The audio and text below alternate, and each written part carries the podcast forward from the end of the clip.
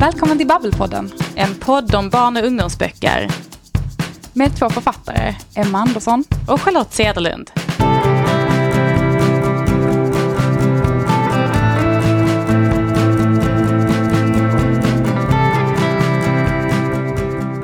Välkommen tillbaka Emma! Tack så mycket. Har du haft en härlig semester? Ja det har jag. Och du då? Ja, det har varit underbart faktiskt. Det är alltid skönt att få tänka på annat lite då och då. Eller hur? Tänka och läsa kanske? Verkligen. Det är ju, sommaren är ju min läshögtid, verkligen. Så att eh, det har förrossats, det har det. Härligt. Jag ser fram emot att få lite tips här senare i det här avsnittet. Ja, absolut. Men det har hänt lite andra grejer va, sen vi såg senast också. Ja, men det har det. Jag har ju kommit ut med en ny bok. Just det! Mm, när kom den då? Den kom den första september. Hur Så känns det är några veckor sedan nu. Ja. Ja. Hur känns det? Det känns jättebra. Mm. Eh, det, det är lite som, eh, som när vi pratade om din bok i, i våras, att det är ju liksom, det blir ju liksom aldrig, man blir aldrig van. Alltså det, det blir aldrig en sån att man bara, jaha, det kom en bok. Alltså, det känns alltid stort. Mm. Det känns som att ja, men nu har man en ny liten bebis ute i världen. Jag har inte skaffat barn, så det är det närmaste man kommer. Det är ändå bra bebisar tänker jag, för de är Ja. ganska tysta Mm. och lugna. Precis, Det är de ligger där positivt. så fint och man bara får bläddra i dem lite då och då. Men du, din bok har ju kanske ett av de snyggaste omslagen som jag har sett i år. Eh, och den heter Trådar. Kan inte du berätta lite mer om boken? Jo men absolut, jag kan också bara säga att omslaget är Lina Blix förtjänst. Eh, fantastiskt, jag, jag vill ju verkligen, eh, jag har beundrat henne länge, så att jag blev så himla glad när förlaget föreslog och ännu gladare när hon sa ja. Eh, för att det är ju ändå det första intrycket man får av en berättelse, eh, det där omslaget. Så att, eh, även bättre kunde det ju knappast ha blivit. Men eh, det handlar om eh, en eh, 12-årig pojke som heter Erik. Och det här utspelar sig i en fantasyvärld som är väl lite inspirerad av nordisk mytologi, någon slags medeltid, där jag ofta hamnar när jag vill hitta på en sagovärld. Ehm, och Erik är av olika anledningar döende. Det har hänt något dramatiskt och i den här världen där Erik lever så finns det eh, så kallade trådhäxor. Och trådhäxorna har förmågan att eh, ja, men laborera med ens liv kan man säga. De eh, kan klippa av och förlänga livstrådar. Och eh, de här trådarna kan man då sälja om man eh, till exempel om man vill eh, ja, köpa sig eh, ja, köpa sig andra grejer helt enkelt eller sälja, eller ja, och rika människor kan köpa dem om de vill ha liksom, längre liv och sådär. Så eftersom att Erik ändå är döende och han vet att han har väldigt kort tid kvar så eh, tillkallar hans föräldrar en trådhäxa helt enkelt för att de få timmar han har kvar eh, kanske ska kunna köpa dem lite mer mat för dagen för de eh, har det väldigt dåligt. Eh, men den här trådhäxan, eh, när hon träffar Erik så ser hon någonting annat i hans öde kan man säga. Eh, så hon bestämmer sig för att istället för att ta hans liv och de sista timmarna han har kvar så bestämmer hon sig för att rädda hans liv och eh, ta med honom på ett äventyr. Kan man säga. Det låter ju nästan som en saga. Ja, det, det hoppas jag typ att det, att det är. Ehm, det är ja, väldigt, jag, jag älskar ju att få vara i en sagovärld eh, och det fick jag verkligen vara när jag skrev den här boken. Och som sagt, omslaget, det ser ut som en saga det också. Ja, ja men det är magiskt, verkligen. Men du, gud vad härligt. Och också härligt är att vi drar igång med en helt ny poddsäsong nu. Det känns jättekul. Jag är som sagt alltid lika överraskad på något sätt att vi får komma tillbaka. Men, eh, men ja, det känns underbart. Det ska bli väldigt, väldigt roligt att få eh, köra igång, att göra intervjuer, prata med en massa spännande människor och bara kicka igång hösten lite. Eller hur? Men vad ska vi prata om idag då, Charlotte? Idag ska vi prata om någonting läskigt. Ja, alltså jag, ja, jag är inte helt bekväm med det här kanske. Men, eh, för jag tycker det är väldigt obehagligt med skräck. Men eh, det är det vi ska prata om idag. Precis, och vi ska ju prata med två stycken författare. Vi ska prata med Jonna Björnstjärna som skriver skräck i bilderboksformat, vilket bara där eh, gör att man blir jätteintresserad av liksom, hur gör man ens det. Och så ska vi prata med, Tobias Söderlund, precis, som eh, också skriver skräck för ja, men man kan säga slukaråldern och strax under, eh, mm. 69 och 9 till 12. Det ska bli jätteintressant att höra om de någonsin skrämmer sig själva, tycker jag. Eller hur? Jag, som sagt, är ju väldigt eh, rädd av mig och jag hade nog tyckt att det var väldigt svårt att skriva. Ja, jag har ju skrivit skräck för vuxna, men det gjorde jag ju när jag liksom hade lite distans till min barndomsskräck. men du, ska vi ta och köra igång så vi får höra vad de säger? Det gör vi.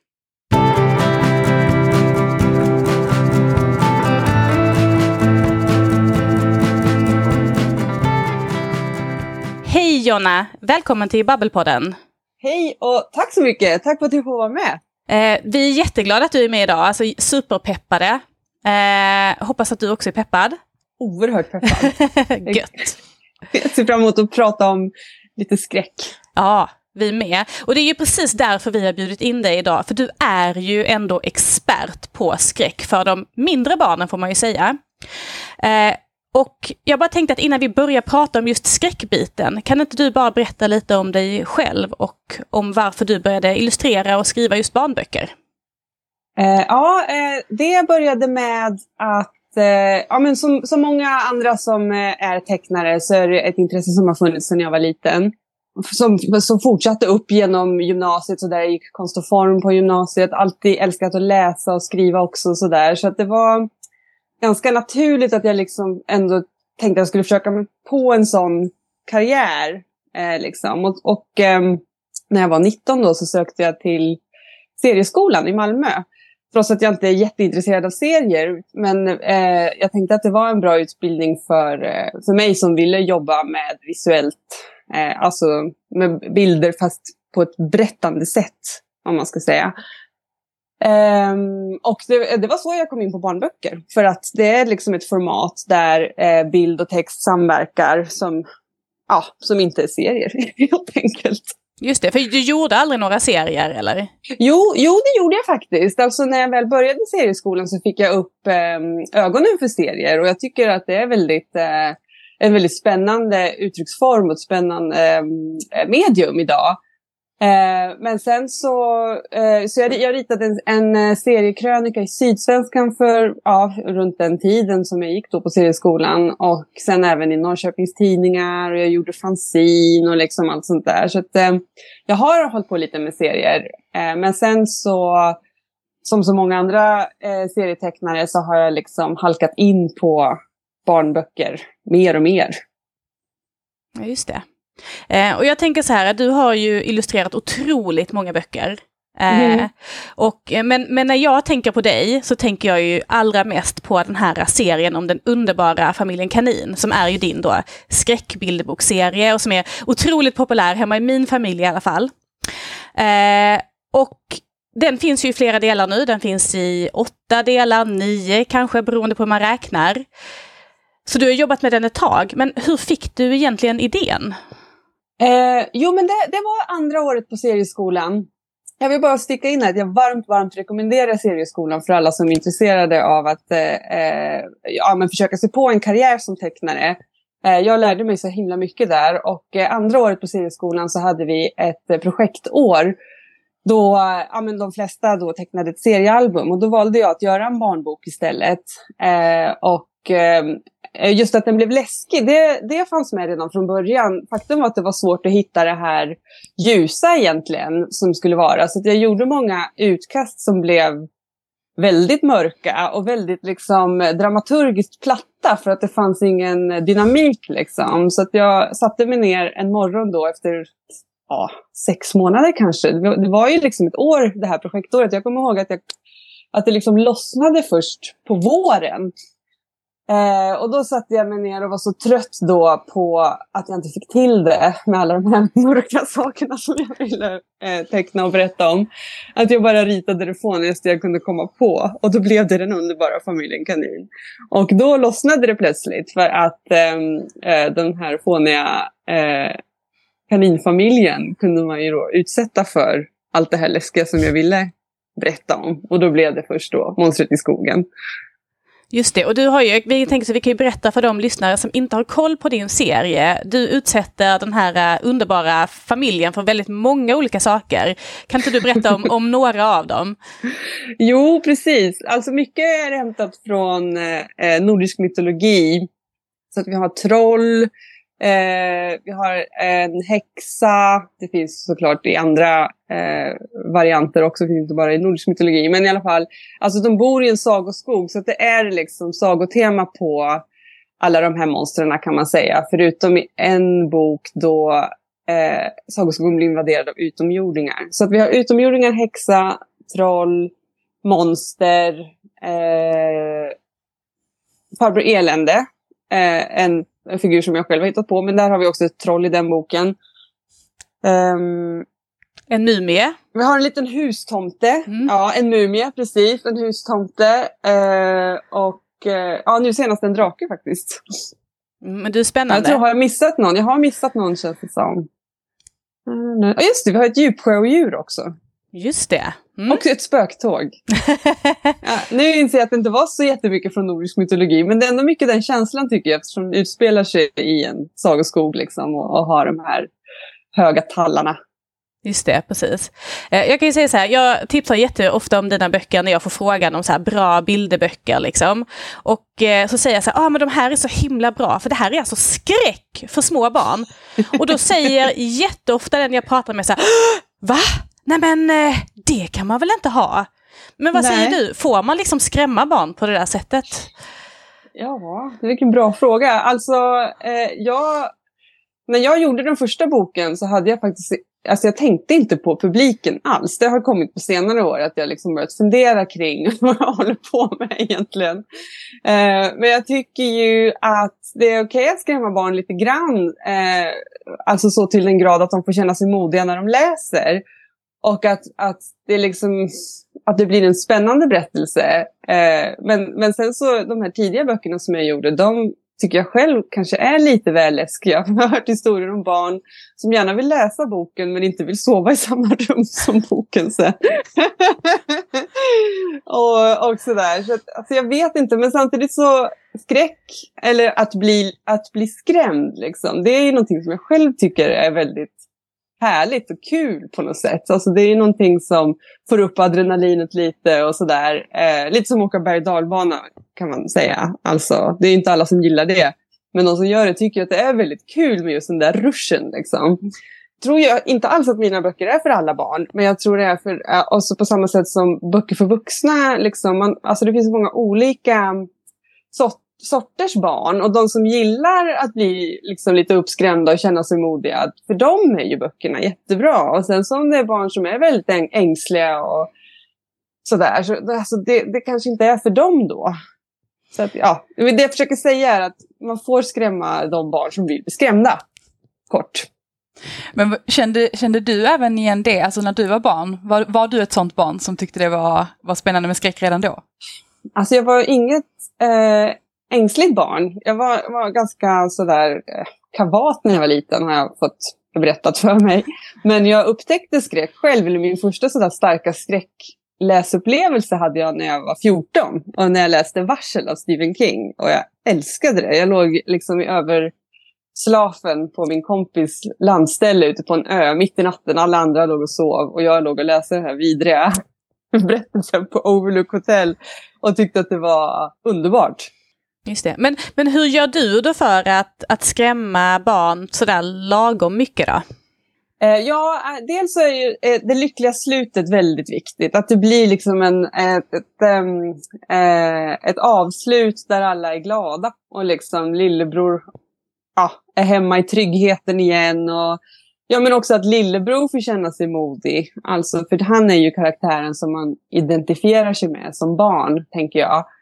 Eh, så det lyckliga slutet är viktigt och sen eh, ja, men att kanske monstren också blir lite avdramatiserade på slutet. Att de visar sig att de var inte så farliga. Så är det i alla böcker förutom i eh, Fru Skräck. Som hon försvinner bara. Hon, hon visar sig inte vara snäll egentligen. Men det, det är de andra monstren som jag har med. De, de visar sig alltså vara antingen snälla eller väldigt små på slutet. Ja men precis, vi kan ju spoila lite en av dina böcker som heter Godistrollet och där visar ja. sig att trollet är ju av godis och inuti så finns det en, en liten, liten tomte. Precis, ja. och samma sak med den här hustomten i Mumions återkomst, också en spoiler. Um, alltså, uh, han blir ju inte snäll på slutet, men han är ju så väldigt liten att jag tror inte att barn går och lägger sig rädda för hustomten på kvällen. Nej men precis, nej. Ehm, jag tänker också jättemycket, när jag som vuxen läser dina böcker så är det ju att det är otroligt mycket humor i dem. Alltså jag, trots att jag, jag får läsa de här böckerna väldigt, väldigt ofta, eh, så skrattar jag fortfarande åt vissa saker för det är så himla roligt. Hur, hur, är det liksom så här, hur tänker du för att få in humorn? Liksom? För jag tänker att den är viktig då för att balansera upp skräcken. Ja, alltså jag tycker humorn är det viktigaste. Vad, vad roligt att du eh, har samma humor som jag Du skrattar åt, åt eh, det som jag hittar på. Um, jag tror att det var Roald Dahl som sa det i någon intervju sådär, att han tycker att det är... Uh, vänta vänta nu förresten, det var så här. Roald Dahl sa i, i boken Matilda så lät han Matilda säga till bibliotekarien att hon tycker väldigt mycket om böcker som är roliga. Att det var liksom det viktigaste för henne. Och det eh, tog skruv i mig när jag läste det och kändes sant för mig. Jag läste ju Matilda när jag var barn och höll med henne då om att det är faktiskt viktigt att böcker är roliga. Eh, eller att det finns humor i barnböcker. Sen så måste inte alla barnböcker ha humor i sig, men jag tycker att det passar Eh, det passar de sorts böcker som jag gör och eh, ehm, det var, eh, jag sökte upp böcker med humor när jag var liten. Får du jobba mycket med balansen mellan humorn och skräcken? Nej, det tycker jag kommer ganska naturligt faktiskt. Alltså det är mycket sånt här som... Humorn avdramatiserar ju skräcken så, så det, den balansen tycker jag liksom att, att jag känner med magkänslan att det inte blir för läskigt. Nu i senaste boken till exempel så, så har jag då de här riddarna ska ta sig över olika hinder för att de ska komma fram till draken. Eh, slottet är väldigt inbrottssäkert. Eh, så att de ska bland annat över en bottenlös avgrund. Och då har riddar vargtand på sig en för tung rustning så hon orkar liksom inte riktigt simma. Och när jag först ritade den scenen så blev det väldigt otäckt liksom att hon håller på att drunkna. Det, det är liksom Eh, det kanske man har en, liksom, någon erfarenhet av att ha varit nära. Eller, alltså det blev väldigt dramatiskt och otäckt. Så att när hon sjunker där genom vattnet, istället för att göra att hon ser rädd ut, så gör jag att hon ser arg ut. Och då tyckte jag att det blev mindre otäckt. Liksom. Att hon, hon är förbannad att hon inte klarade av att simma. Och liksom har armarna i kors och sjunker som en sten där genom vattnet. Så, så blir hon räddad av lillebror. Men det var en sån scen där jag faktiskt tänkte till lite kring hur kan jag göra det här så att det blir lite roligt mitt i det otäcka som faktiskt är. Det är alltså när man lär sig simma, det är säkert ofta man har, liksom man har, huvudet hamnar under vatten. Alltså det, det, det är en otäck situation. Mm. Så att mm. den avdramatiserade jag lite genom att ändra på hennes ansiktsuttryck helt enkelt. Ja, så ändå lite så här finkänslighet liksom, kring vissa delar ja, kan man säga. Ja, precis. Men jag märker ju absolut att jag tänker mycket mer på det nu än när jag var yngre faktiskt. Men så blir det säkert kanske när man har mer kontakt med sina läsare och förstår vem det är som faktiskt ja. läser. Det gör man ja, inte riktigt precis. i början. Precis. Ja. Men du, mm. vi har ju redan förstått här att dina böcker handlar om alltså väldigt många olika saker. Allt från spöktåg till djuphavsmonster till då godistroll. Var får du all den här inspirationen ifrån? Ja, gud. Alltså jag läser ju jättemycket böcker och Eh, det är en stor inspirationskälla. Alltså det skulle jag säga framför allt.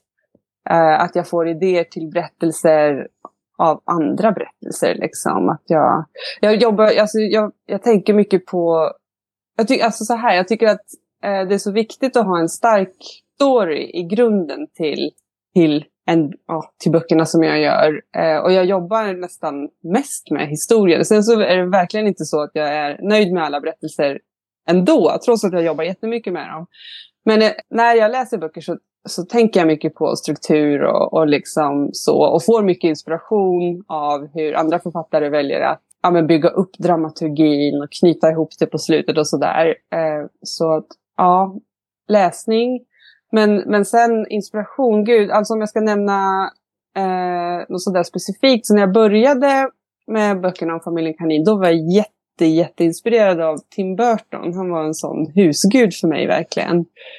Eh, och sen eh, ja, men en annan författare som inspireras mycket av Neil Gaiman. Han skriver ju inte skräck, eh, men skriver eh, väldigt bra tycker jag på alla sätt. Ehm, så han bygger sina historier väldigt bra. En, en favorit är Anansi Boys, jag vet inte om ni känner till den. Eh, sen Stephen King naturligtvis och eh, Roald Dahl. Det är de som jag kommer att tänka på när det kommer till författare. Och sen Ja, men sen så inspireras ju liksom av jättemånga olika illustratörer såklart. Och hur de liksom, ja, men bildlösningar och allt sånt. Och stämningar och sådär. Men, eh, men alltså i, från allra första början så var jag väldigt, alltså är jag väldigt inspirerad av skogen som jag växte upp bredvid när jag var liten. Den, den eh, ligger i, i grunden för allting. Där jag lekte väldigt mycket sådär också. Mm, så du bodde granne med sagoskogen? Ja, jag gjorde det faktiskt. Men jag tycker överhuvudtaget det är svårt att veta egentligen var inspiration kommer ifrån och framförallt eh, idéer sådär. Om man, om man visste precis var idéer kommer ifrån då skulle man skriva tio böcker mer per år. Men, men, eh, men sen just så här vill jag säga också med inspiration är att det är ju annorlunda för, alltså för varje bok. Nu inför Fångarna på slottet så har jag eh, tittat på um, A Knight's Tale till exempel. Den tyckte jag var jättebra för att få referenser till hur det ser ut i en medeltidsby, hur riddare ser ut. Eh, ja, men jag har liksom köpt lite böcker, jag har något sånt här eh, eh, en pappersmodell av ett med, medieval castle. Jag köpte den här boken i England, ett medeltidsslott.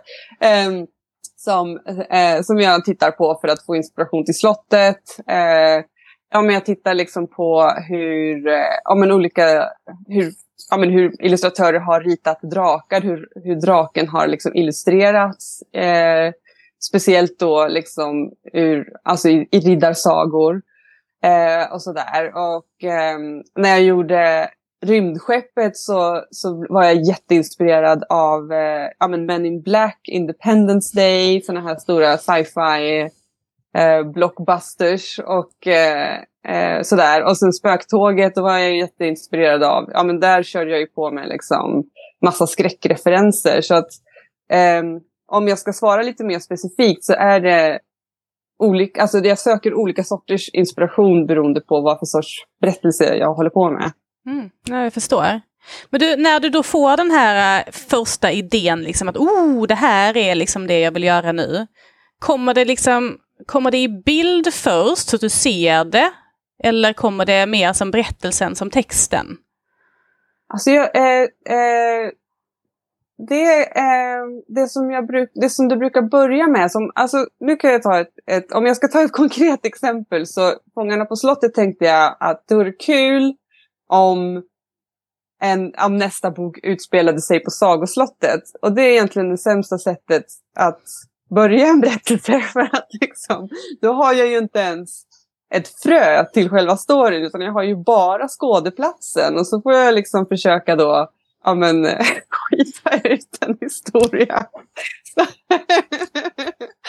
och, så att, alltså, det är verk, alltså det är verkligen att börja i fel ände.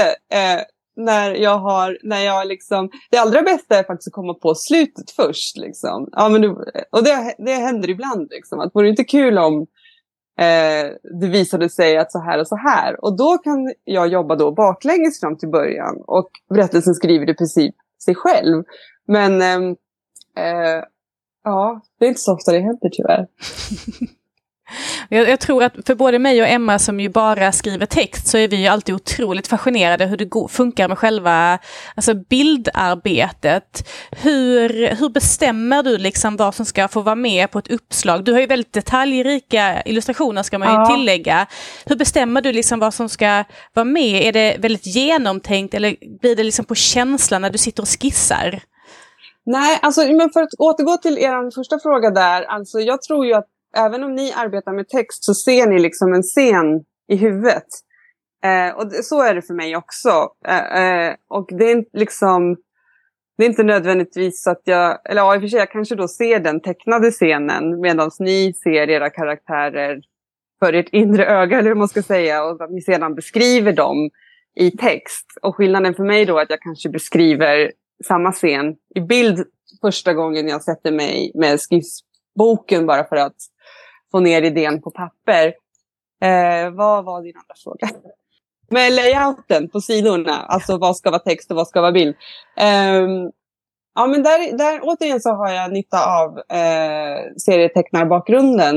Eh, att eh, det spelar inte så stor, alltså det som inte, alltså det som blir knöligt att beskriva i bild eller inte riktigt går att beskriva i bild, då, då använder jag text. Och sen så eh, det som är lättare eller kommer mer naturligt att då rita blir en teckning. Men sen i redigeringsarbetet så blir det ofta att väldigt mycket text försvinner för att det ändå beskriver, alltså att bilden ändå beskriver det. Um, och sen, alltså själva layouten är ju jätteknölig sen, att försöka få ner den här uh, texten, all text, jag skriver alltid alldeles för mycket text från början och så ska det ner då på gärna 32 sidor. Och det ska även finnas stort utrymme för, för bild. Så det är, ofta, alltså det är ofta både mycket text och mycket bilder faktiskt som försvinner för att de inte får plats. Alltså egentligen så skulle jag vilja ha dubbelt så mycket utrymme för att få med alla de här små scenerna. Men men eh, det är nog också bra att, att eh, döda några darlings på vägen så att det inte blir för... Alltså att lästempot inte blir för långsamt. Det brukar ju vara bra att döda dem fast det känns väldigt, väldigt tufft när man gör ja, det. Ja, mm. ja, verkligen. Alltså, det, man måste vara en, eh, en ganska så hänsynslös bödel med sånt som faktiskt inte, återigen då för att tala om hur viktigt det är att en, en bra story i grunden. Alltså det som Alltså man ska inte ha så mycket barlast.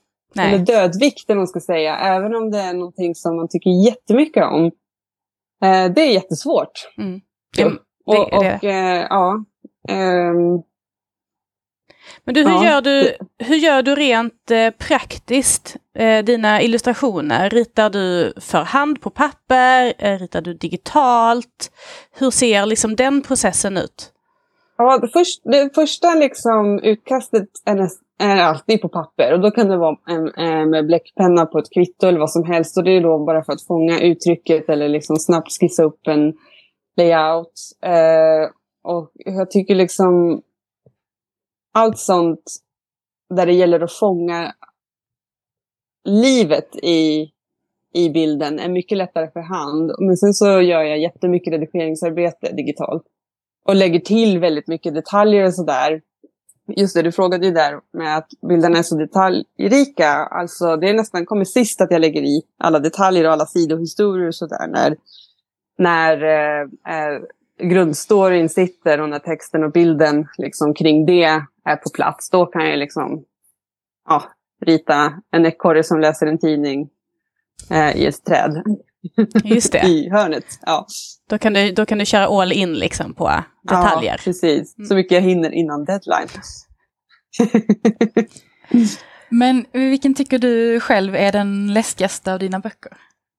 Eh, Absolut. Varför då? Eh, ja, ja, men alltså det var så eh, roligt när jag fick den boken hemskickad. Man får ju ofta ett ex innan de kommer ut i affären och att se liksom hur boken blev för första gången. Jag hoppade själv till när jag bytte sida. Och Fru Skräck dyker upp för första gången. Då kände jag, ah, nu tog jag kanske i från tårna lite när jag som till och med vet vad som ska hända tycker det är otäckt. Och som är vuxen dessutom. Så ja, det är Skräck. Ja, jag ber om ursäkt till alla som har blivit traumatiserade av att läsa den boken. Eh, jag tror mina barn tycker godistrollet är läskigast för att dels för att det är kombinationen med godis, vilket det är, alltså, alltså, bara tanken på att det finns ett troll som gör att man inte får äta godis, för att det är så det är i boken. Och sen också för att trollet gömmer sig och liksom dyker upp. Det, den, just det. den smyger liksom. Ja, så ja, den, eh, den brukar de tycka är läskig då. Eh, den fabriken för övrigt, för att prata om inspiration igen, eh, där var jag väldigt inspirerad av Metropolis, Fritz Lang-filmen med eh, ah, den här staden som har de rika som bor ovan ytan och de arbetarna som bor under ytan. Så det finns massa referenser till ja, men just de här fabriksarbetarna i, i den boken. Mm -hmm, vad kul, det hade jag ingen aning om. Mm. Men du, slutligen så vill jag ju jättegärna fråga dig om hur din framtid ser ut. Men vi har fått lite hintar här nu om Fångarna på slottet som ju känns otroligt rolig. När kommer den boken ut? Den kommer i höst. Mm. Den ska gå till tryck, eller gå till tryck. Deadline är som sagt eh, i, eh, i juni. Så att eh, ja, i höst kommer den. Just det. Har du några andra grejer på gång? Eller det räcker Eh, ja. kanske? Ja, nej men jag har, jag har eh, lite, alltså jag har börjat prata lite med min eh, förläggare om en eh, parallell bokserie som ska handla om ett spöke. Helt enkelt. Jag vet inte hur mycket jag kan gå in på det, men eh, eh, watch this space. Just det. Men vad spännande. Eh, vi ser jättemycket fram emot att se vad som kommer från dig i framtiden. Tack så jättemycket Jonna för att du ville vara med i podden idag. ja, men tack för att jag fick vara med. Jättekul.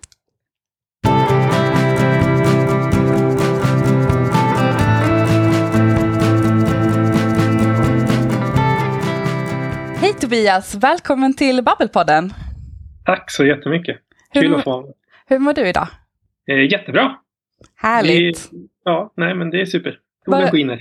Ja, precis. Det gör alla glada. Men det är ju lite sådär, inte li, lite dåligt tema för idag, för vi ska ju prata lite om skräck. Eh, Mm. Och kanske specifikt då skräck för eh, barn i slukaråldern och strax under. Men eh, innan vi börjar med det, kan inte du berätta lite om dig själv och eh, varför du började skriva barnböcker? Ja, men jag heter Tobias Söderlund. Jag har alltid drömt om att bli författare. Klassisk sån här, eh, ja, författardrömmen har funnits redan sedan innan jag lärde mig skriva. Eh, gillat att hitta på berättelser och eh, eh, sen när jag väl lärde mig skriva insåg jag att det var typ det roligaste man kunde göra. Så det har liksom alltid varit självklart att, att satsa på den här drömmen och eh, att det blev just barnböcker, det var inget som var givet från början, men det var mer att eh, min eh, första eh, bok som blev utgiven råkade vara en bok som jag tyckte passade som en 9-12 bok. Eh, och sen, eh, sen eh, när man väl var inne i barnbokssvängen så då var det ju jättekul att bara fortsätta på det spåret. Jo, du har ju skrivit eh, två, två serier. Eh, en för eh, 9 till 12 och en för 69. Eh, och den ena av dem handlar ju om spökhunden Buster. Eh, och jag, alltså när jag flyttade hemifrån så bodde mina föräldrar i ett eh, väldigt så här, gammalt hus från 1600-talet. Och deras bästa kompisar hade både en hund och en katt. Och de brukade liksom så här, stå på toppen av källartrappan och liksom så här, stirra ut i liksom tomma intet väldigt mycket sådär på ett lite läskigt sätt. Som att de såg någonting som vi liksom inte riktigt såg. Eh, och den här katten den vägrade liksom gå ner för trappan. När den väl gjorde det så, liksom, så flög den typ upp för trappan. Alltså man såg typ inte att den tog ett steg bara. Den blev liksom alltid skräckslagen. Och det tänker jag väldigt mycket på eh, när, jag, när jag läser om, eh, om Buster. Hur fick du idén till den här serien? Ja, Först vill jag bara säga att djur är ju obehagliga. Eller hur? De ser ju saker vi inte ser och eh, jag, jag är ju trots Buster verkligen eh, inte någon så här djurälskare. Jag har varit hundrädd i hela mitt liv och eh, eh det är faktiskt ganska oväntat tycker jag själv att jag har skrivit om en söt liten pudel som någon form av hjälte. Men eh, idén till Buster kom när jag höll på att avsluta eh, min trilogi om spökkameran. Och det är ju en, eh, en bokserie där eh, huvudpersonen Vanessa går på spökjakt kan man väl säga med eh, sin eh, filmkamera som kan filma spöken. Eh, och jag är ju lagd åt det här hållet att jag vill att trots att jag skriver om övernaturliga saker vill jag att det ska kännas så verkligt som möjligt. Jag tänker så här att om spöken finns i vår värld då eh, då borde de ju vara runt omkring oss hela tiden. Så då är det ganska ologiskt om man kan se dem med blotta ögat. Så jag vill att man ska ha ett eh, medium, eller vad man ska säga, för att kunna se de här spökena. Så Vanessa har sin filmkamera och då började jag fundera på vad annat man kunde använda sig av för att hitta spöken. Då råkade det vara så att min eh, lillebror nyss hade flyttat till Stockholm och eh, hade två stycken pudlar eh, som jag hängde med ganska ofta. Eh, och eh, ja, jag har ju hört sådana historier som de du berättade eh, om hundar som har betett sig märkligt eh, i närheten av eh, förmodade övernaturligheter. Så eh, det var lite där, eh, där fröet till den här serien uppstod med, med brorsans två pudlar. Ja, och jag är ju, alltså jag är extremt eh, rädd för allting som har med skräck att göra. Jag var ett extremt, eh, ja men räddhågset barn helt enkelt. Eh, och jag läste i, jag har inte läst just din serie om Vanessa, men jag läste i en recension av böckerna att de var det läskigaste jag någonsin läst, skrev recensenten. Eh, och det gjorde ju mig väldigt orolig. Eh, men varför började du skriva just skräck? Jag har alltid varit fascinerad av skräck, alltid dragits åt eh, lite mörkare berättelser. Uh, läste otroligt mycket skräck redan i liksom, ja, men lågstadieåldern. Och även innan det så Halloween var liksom min favorithögtid. Uh, älskade att både skrämmas och att bli skrämd. Så att det föll sig ganska naturligt att rikta in sig på den här genren. Och Um, Prästgårdens hemlighet som blev min debut, det var den andra hela boken jag skrev. Och den första boken uh, började som en skräcknovell men sen blev det mer typ en historisk fantasy. Och det, det var nog det jag ogillade mest med den, att det inte var rätt genre. Så jag bestämde mig faktiskt först och främst att uh, jag ska skriva någonting som är skräck på riktigt den här gången. Uh, så det var, det var där den serien började. Att, uh, i, I just min kärlek till genren. Men varför, varför tror du att barn lockas av skräck? För det känns som att det är väldigt populärt just nu. Ja, um, alltså om, om jag ska gå till mig själv så skräck är ju den mest spännande genren. Så jag fattar inte hur man inte kan lockas av skräck. Det är liksom så här, om man gillar spännande historier om man har en genre där man får göra saker kanske ännu mer spännande och läskigt än vad vår värld tillåter så då är det bara att ta den chansen tycker jag. Men eh, sen, sen, jag lockas väldigt mycket överlag av så här mysterier och oförklarade saker. Och det är någonting som är väldigt lätt att foga in i den genren. Och tror också att just när det gäller barn så kanske man lockas lite av det här lite förbjudna. Alltså det är, det är många kanske föräldrar som tycker att barn ska hålla sig undan från skräck och då blir det ju bara extra roligt. Jag minns ja, men från min egen barndom så eh, mina föräldrar hade aldrig någonting emot att jag läste skräck. Jag hade hundratals skräckböcker och jag fick till och med läsa skräckböcker från pappas bokhylla. Eh, men eh, skräckfilmer var de lite mer anti. Eh, så om det var liksom en skräckfilm som var 15-årsgräns på så tyckte de att jag skulle vänta tills, eh, tills jag var 15, vilket jag såklart oftast inte gjorde. Men eh, jag, jag minns verkligen en gång när jag lyckades låna filmen Sjätte sinnet. och den filmen har ju sjukt nog inte 15-årsgräns. Den, den har bara 11-årsgräns. Och jag tror jag fick tag på den här när jag var 8. Och 11-årsgränsfilmer fick man ju se från att man var 7 enligt någon regel. Så Eh, jag såg Sjätte sinnet åtta gånger på samma helg. Det var typ så här repeat ständigt hela lördag söndag. Eh, och det var nog just det där förbjudna som gjorde att jag tyckte att den kändes extra spännande. Liksom. Eh, den, här, den här borde jag inte få se, men fan vad kul det är. Just det. Men du har aldrig, du har liksom aldrig fått mardrömmar och sånt, inte ens när du var så liten, eller? Mm, jag, jag, jag, jag, tror bara jag fått mardrömmar av skräckböcker eller skräckfilmer en enda gång i hela mitt liv. Och det var när jag råkade efter typ sporten på TV4 någon kväll se eh, filmen Brain Dead när jag var typ eh, åtta år gammal. Och då var det någon zombie eller något som åt någons hjärna och då, då drömde jag om, eh, om att bli av med min hjärna också. Det, men, men det, det, är den enda gången jag kan komma ihåg att jag drömt mardrömmar av skräck. Det känns ju som en så här hyfsat slashig film, så det kanske inte är jättekonstigt. Nej, det, det var väl um, bland det blodigare jag hade sett vid det laget i alla fall. Men vi, vi pratade tidigare med, med Jonna Björnstjärna och hon skriver och illustrerar skräckberättelser för bilderboksåldern kan man säga. Eh, och hon sa att det är väldigt viktigt med lyckliga slut och även humor i berättelsen för att det liksom inte ska bli för läskigt. Eh, du skriver ju för både liksom 6 9 och 9 12. Men hur gör du liksom för att hålla liksom balansen rätt? Alltså för att det ska bli, liksom bli lagom läskigt för liksom ålderskategorin? Typ? Mm, ja, eh Eh, jag har ju alltid varit eh, lite av så här, en motståndare. Jag har aldrig själv riktigt uppskattat det här med skräckkomedier. Eh, jag vill ju att när man, man upplever något läskigt så ska det vara så läskigt det bara går.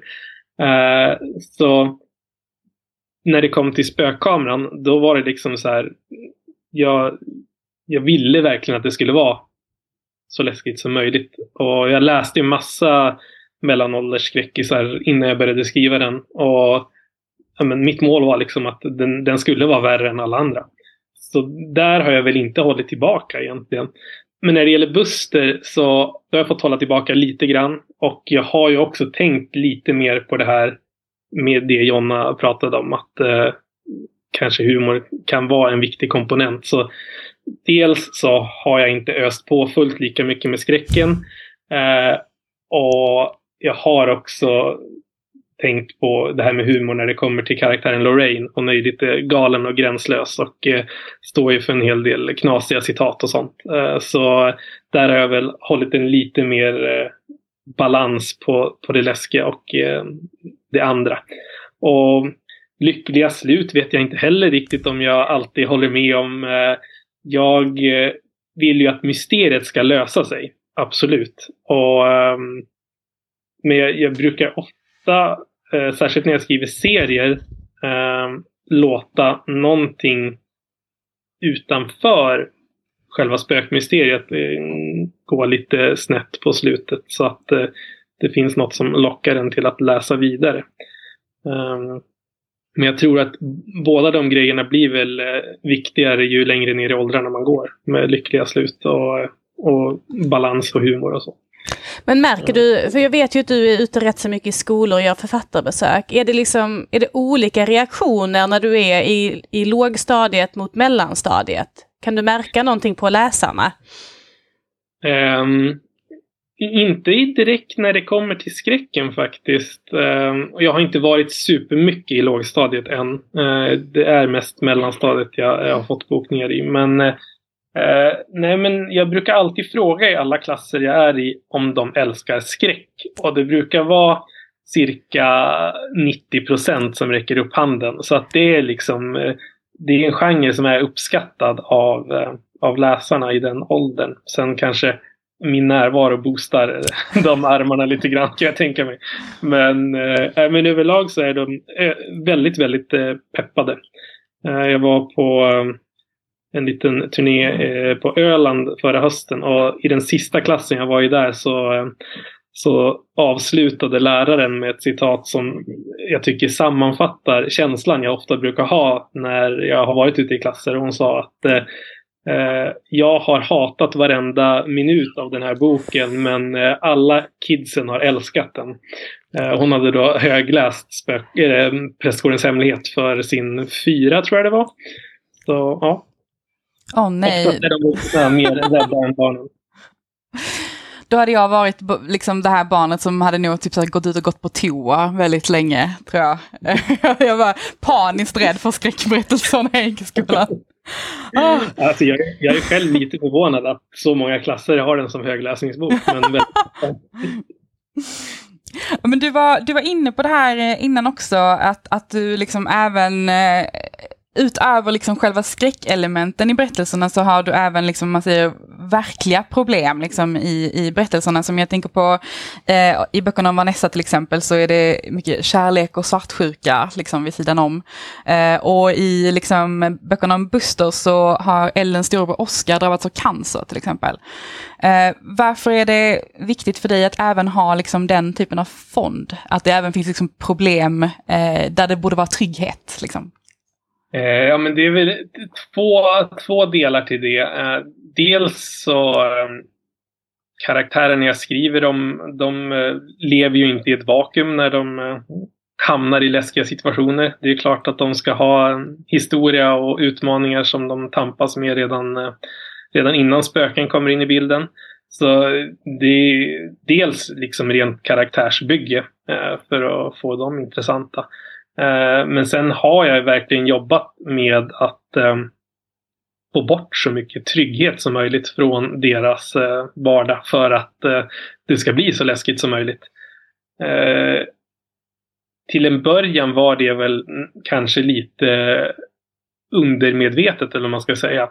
I Prästgårdens hemlighet så, så har ju Vanessas föräldrar nyss skilt sig. Då får man undan hälften av ens eh, föräldratrygghet. Och eh, eh, pappan som är kvar då med henne, som hon bor med, han eh, har väl inte tagit den här skilsmässan så bra. Och sen blir han ju besatt av det här spöket som följer med henne hem. Och just de här scenerna när spöket tar över pappans kropp. Det var ju någonting jag ganska snabbt fick reaktioner på från läsarna att det var kanske det läskigaste i hela boken. När det som ska vara ens trygghet blir det läskiga.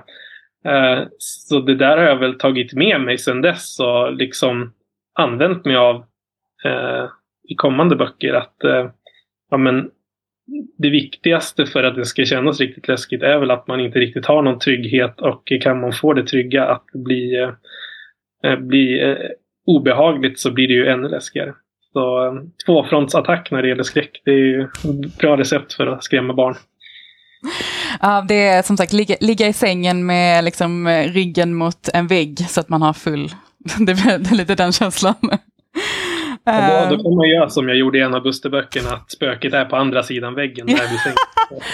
det, det är därför jag inte kommer att kunna läsa allt det här. Men eh, var, var, var hämtar du inspiration, eh, inspiration från eh, Tobias? Brukar du göra research?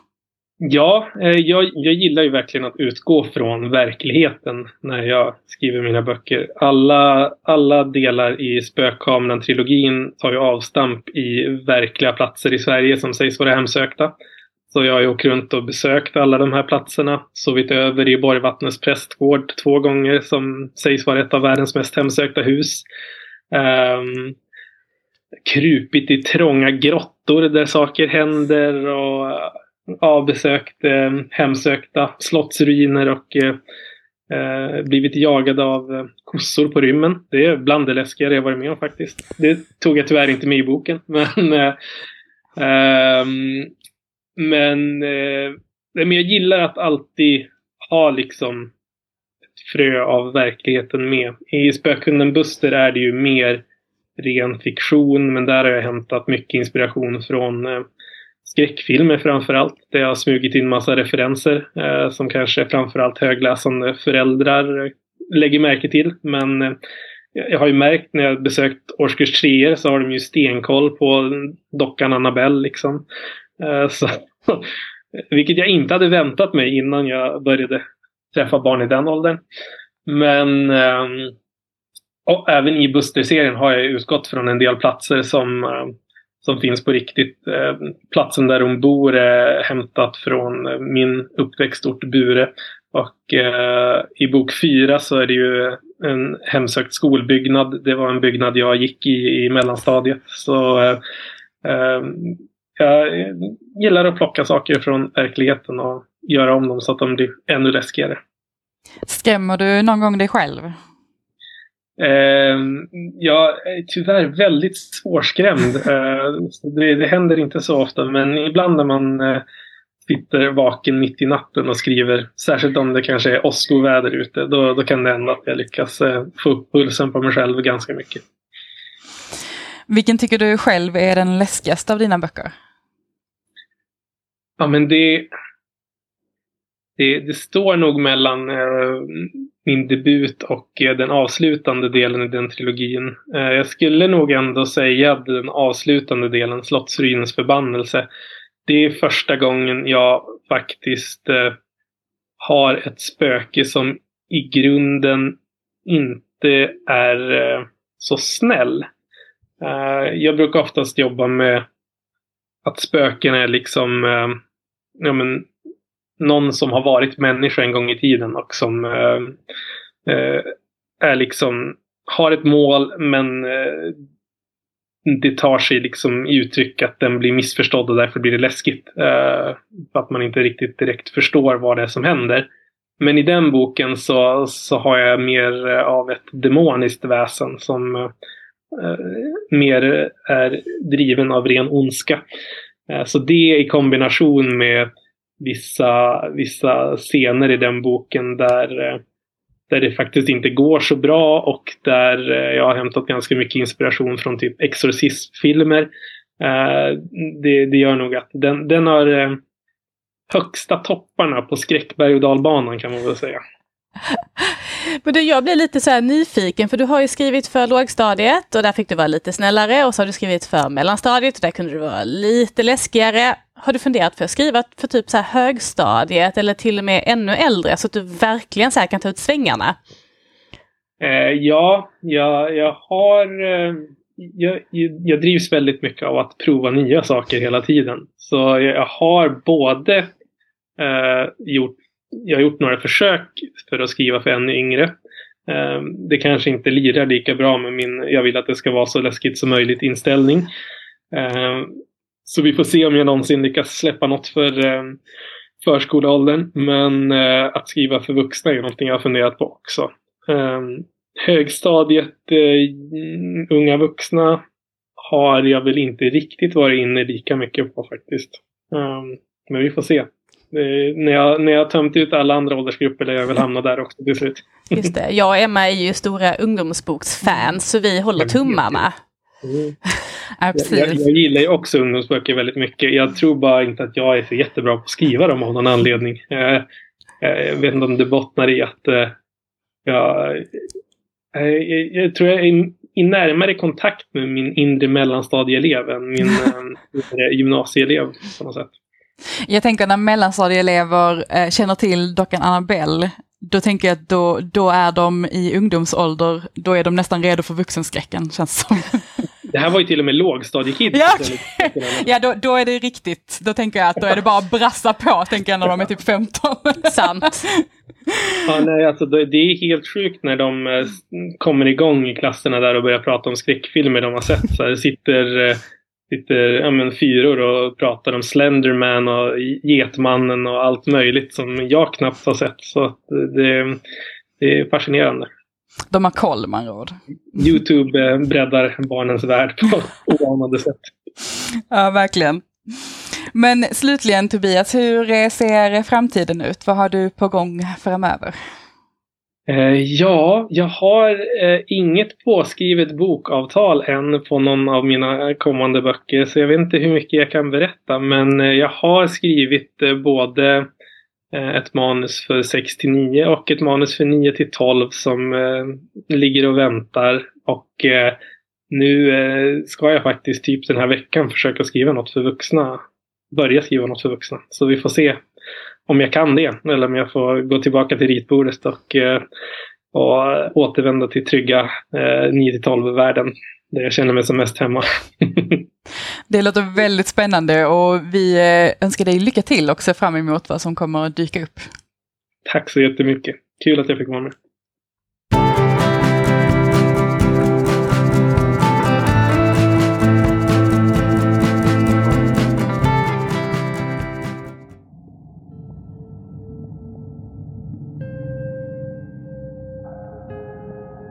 Känner du dig mindre rädd nu, Emma? Nej, men jag tror faktiskt aldrig jag kommer att göra det. Eh, det, det ligger nog bara i, i, i mig tror jag, att jag är väldigt lättskrämd och att jag... Alltså jag brukar säga att det är liksom både min superkraft och min, liksom, den värsta kryptoniten och det är ju fantasin. Den liksom, jag kan ju liksom inte styra över den alltid. Det är som att den bara lever sitt eget liv. Och har jag, har jag liksom sett någonting som är läskigt, då bara spinner det vidare i huvudet. Jag kan liksom inte stoppa det. det jag har blivit mycket bättre på det som vuxen, men alltså när jag var barn, det kunde liksom bara spåra helt bortom kontroll. Så att jag hade nog aldrig vågat vara något av de här barnen som läste Jonas eller Tobias böcker. Men eh, jag vet ju också att eh, jag hade väldigt mycket modigare vänner och eh, typ syskon. Så att eh, läsekretsen finns. du då? Nej, men jag, är ju, alltså jag känner mig ju lite pepp på skräck kanske. Eh, därför jag har ju som sagt läst Jonas böcker jättemycket med barnen och nu börjar de komma över i kapitelboksålder och då blir det kanske lite busterböcker tänker jag. Och sen kanske jag vågar mig vidare själv. Eh, för jag har inte läst så mycket skräck men jag känner mig verkligen jättesugen nu så mm, vi får se. Ja men det är ju en väldigt rolig genre ändå. Alltså, jag tycker det är väldigt intressant. Alltså, jag, har ju, jag ser fortfarande inte, om man säger så, regelrätta skräckfilmer. Och jag tycker det är obehagligt att läsa liksom, även böcker där det är verkligen så här, bara skräck om man säger, eller så. Men, men jag tycker ju samtidigt att det är en väldigt fascinerande genre, liksom, för jag tycker det är intressant. Och jag tyckte också det var spännande just det här när, till exempel när pandemin kom, så sa man ju det att så här, folk som har läst dystopier och skräck till exempel är mycket bättre rustade för det här. För att de har liksom alltid ställt in sig på typ så här, att så här, så, hemska saker kan hända och alltid lite sådär, man vet vad man ska göra under en zombieapokalyps eller, liksom, eller hur man dödar en vampyr. Så att du vet, vi är redo för allt. Eh, och det tycker jag är lite, ja, men det är lite spännande just där också hur mycket liksom, ja, men hur en genre kan hjälpa en typ.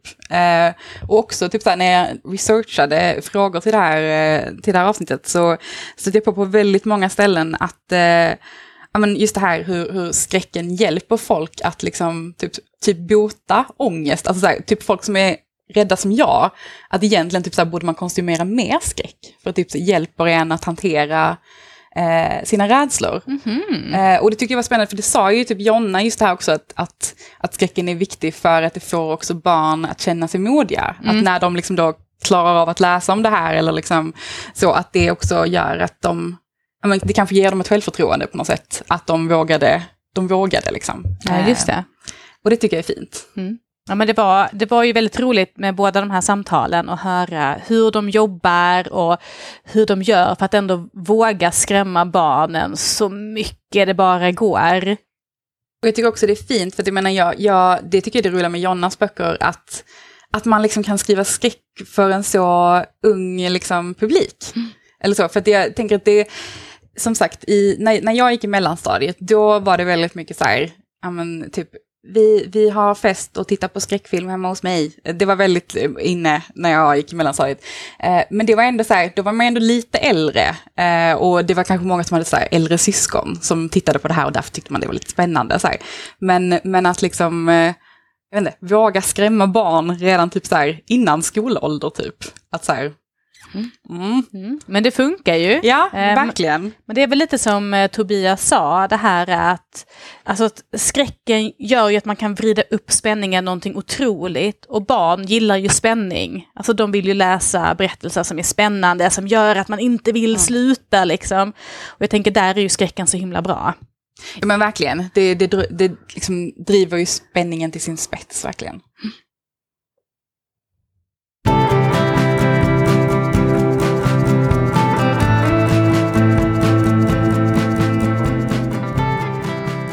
Nu blir det boktips! Charlotte, har du läst något spännande i sommar?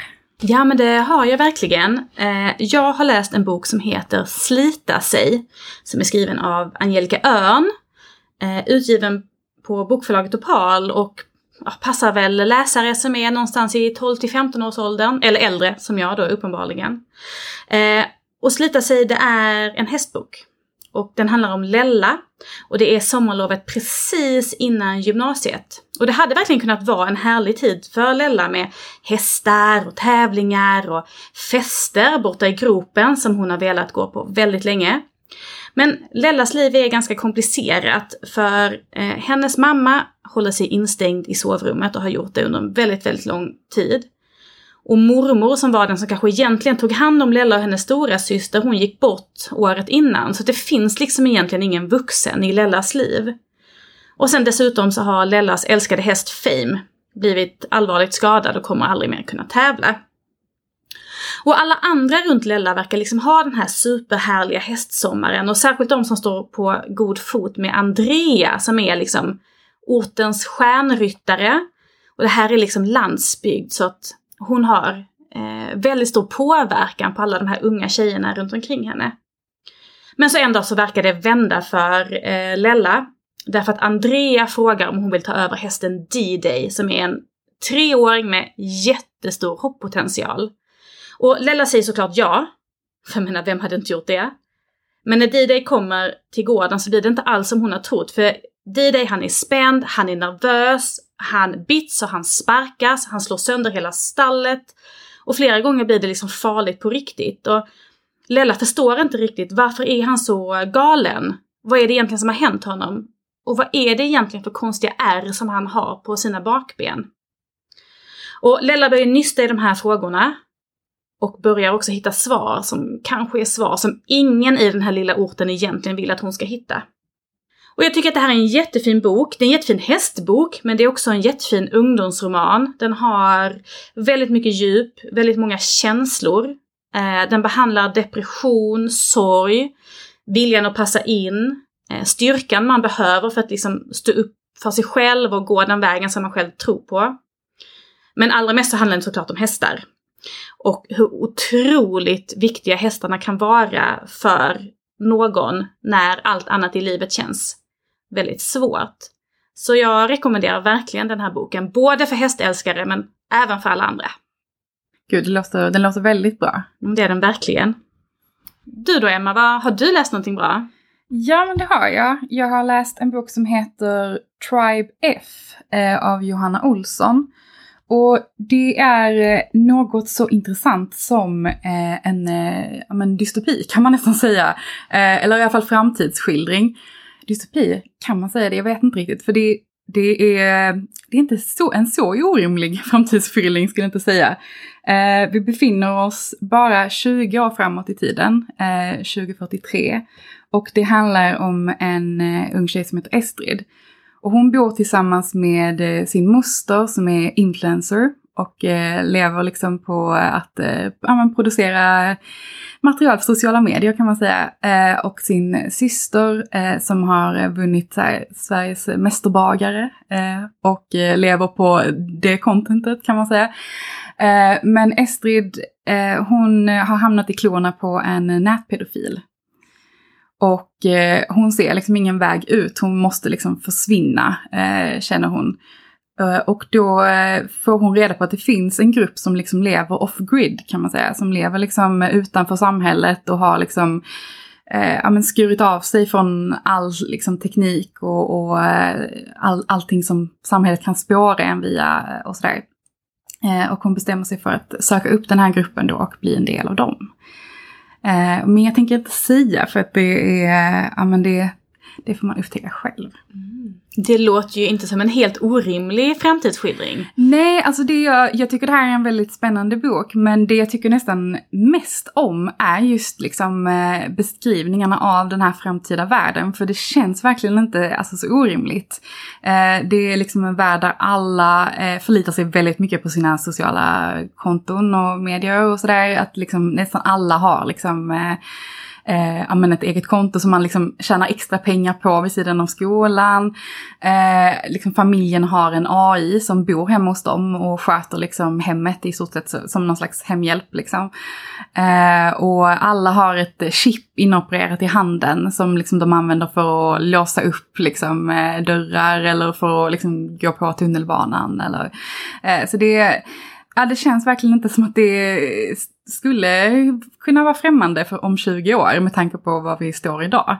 Ehm, och ja, man blir ju lite kluven till en sån framtid. Jag, fascinerande på ett sätt, men jag tycker ju också att det känns lite läskigt faktiskt. Ja, jag håller med. Men spännande bok. Väldigt spännande bok. Men det här var ju allt för vårt första avsnitt på den här säsongen. Woho! Eh, jag hoppas att eh, ni är lika glada som vi är och att vi äntligen är tillbaka igen. Ni får ha det så bra. Hej hej!